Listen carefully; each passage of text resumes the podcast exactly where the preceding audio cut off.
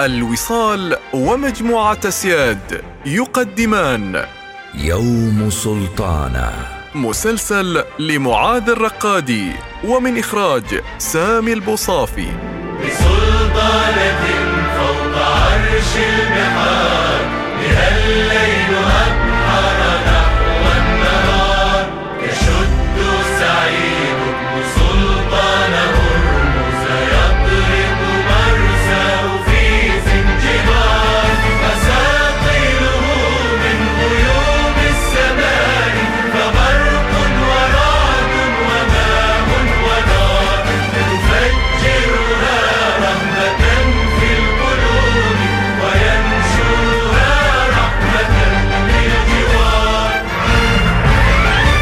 يوم سلطانه الحلقة الرابعة عشر.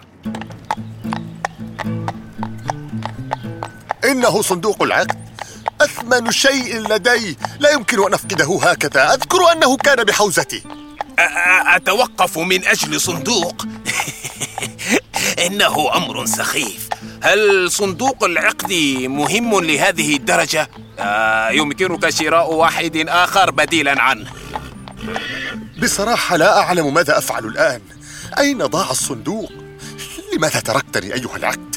ألا تعلم بأنك غال على قلبي؟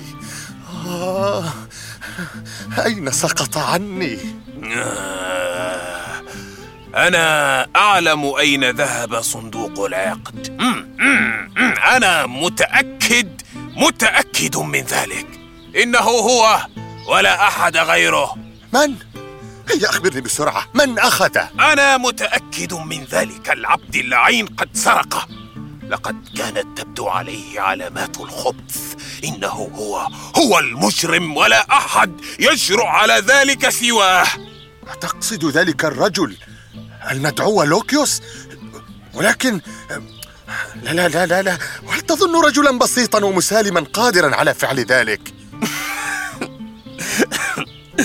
قلت رجلا مسالما وبسيطا. إنه عفريت إنه مليء بالشر. أنت لا تعرف طباع هؤلاء الأشخاص. إنني لا زلت لا أصدق أنه فعل ذلك. ولم لا؟ في هذا الزمان لا يمكنك أن تأمن في أحد. كيف تبدو الأحوال في بلادكم سيد النعمان؟ شكرا على اهتمامك بالسؤال سيد هنري. في الحقيقة دخلت بلادنا عمان في عهد سيدنا سعيد بن سلطان البوسعيدي مرحلة تاريخية جديدة وخاصة بعدما توطدت العلاقات مع أكبر القوى الدولية فأصبحت مسقط من أبرز المراكز التجارية في الخليج وأصبح أسطولها الحربي والتجاري الثاني في بحر العرب والمحيط الهندي بعد الاسطول البريطاني. آها نعم. هذا ملحوظ سيد النعمان. وإلا لما سعينا لتوطيد علاقاتنا التجارية والسياسية بسيد سعيد وخاصة مع زنجبار. نعم. لقد غدت زنجبار جوهرة أفريقيا الشرقية فبحكم موقعها المهم قبالة الساحل الشرقي لإفريقيا انتعشت تجارتها الساحلية وأصبحت مركزا مهما لسفن وقوافل التجارة العالمية داخل القارة الإفريقية وخارجها. نعم نعم. وخاصة أنه كما علمنا بأن أرض جزيرة زنجبار وما جاورها خصبة وصالحة لزراعة أنواع فريدة من المحاصيل. أليس كذلك؟ هي عين الصواب. يبدو أنك تعرف الكثير عنها يا سيد هنري. وكيف لا نعلم عنها سيد النعمان؟ ونحن قد خضنا بلاد الدنيا لنستكشف عن كل ما هو فريد بالنسبة لنا. وبلادكم شاسعة ومترامية الأطراف وفيها من كل شيء. لقد صدقت. وإضافة إلى ما ذكرت اهتم السيد سعيد بالزراعة بشكل كبير. فقد عمل جاهدا على إدخال أنواع جديدة من أشجار المنطقة الاستوائية التي جاء بها من الهند والملايو كالمطاط وجوز الهند والمانجو والقرفة وجوز الطيب والقرنفل. ونظرا للعائد الاقتصادي الكبير الذي تدره هذه المحاصيل إلى خزينة الدولة فقد تحول قسم كبير من سكان الساحل الشرقي لإفريقيا إلى العمل الزراعي. إنه أمر عظيم حقا. اذا بلا شك فإن حاكما بهذا الدهاء والحنكة لن يغفل عن الاهتمام بالعمران ورفاهية شعبه. أليس كذلك؟ أحسنت في قولك هذا يا سيد هنري. لقد اهتم سيدنا بالعمران وبنى القصور والحمامات التي جمعت بين فن العمارة الشرقي وزخارف الفن العماني الأصيل. ولهذا يحظى شعبه بقدر كبير من الرفاهية والعلم والثقافة. عذرا على المقاطعة سيدي النعمان.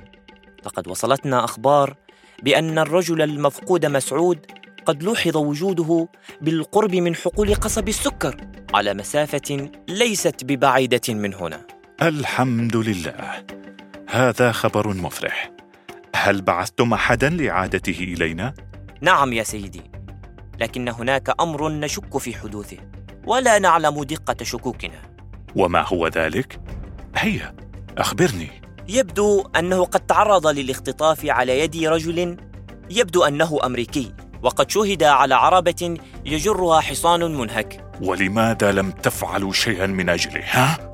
في الحقيقة سيدي لم نرد أن نعرض حياته للخطر فذلك الرجل حسب ما أخبرنا من شاهده بأنه رجل عدواني وعنيف ويحمل بندقية على ظهره. ولهذا عدت إليك لتشير إلي بما نفعله في هذا الأمر. أستغفر الله. انه أمر غريب أن يحدث هذا لرجل منا. آه. علينا إبلاغ السلطات هنا وبلا شك سيتولون الأمر.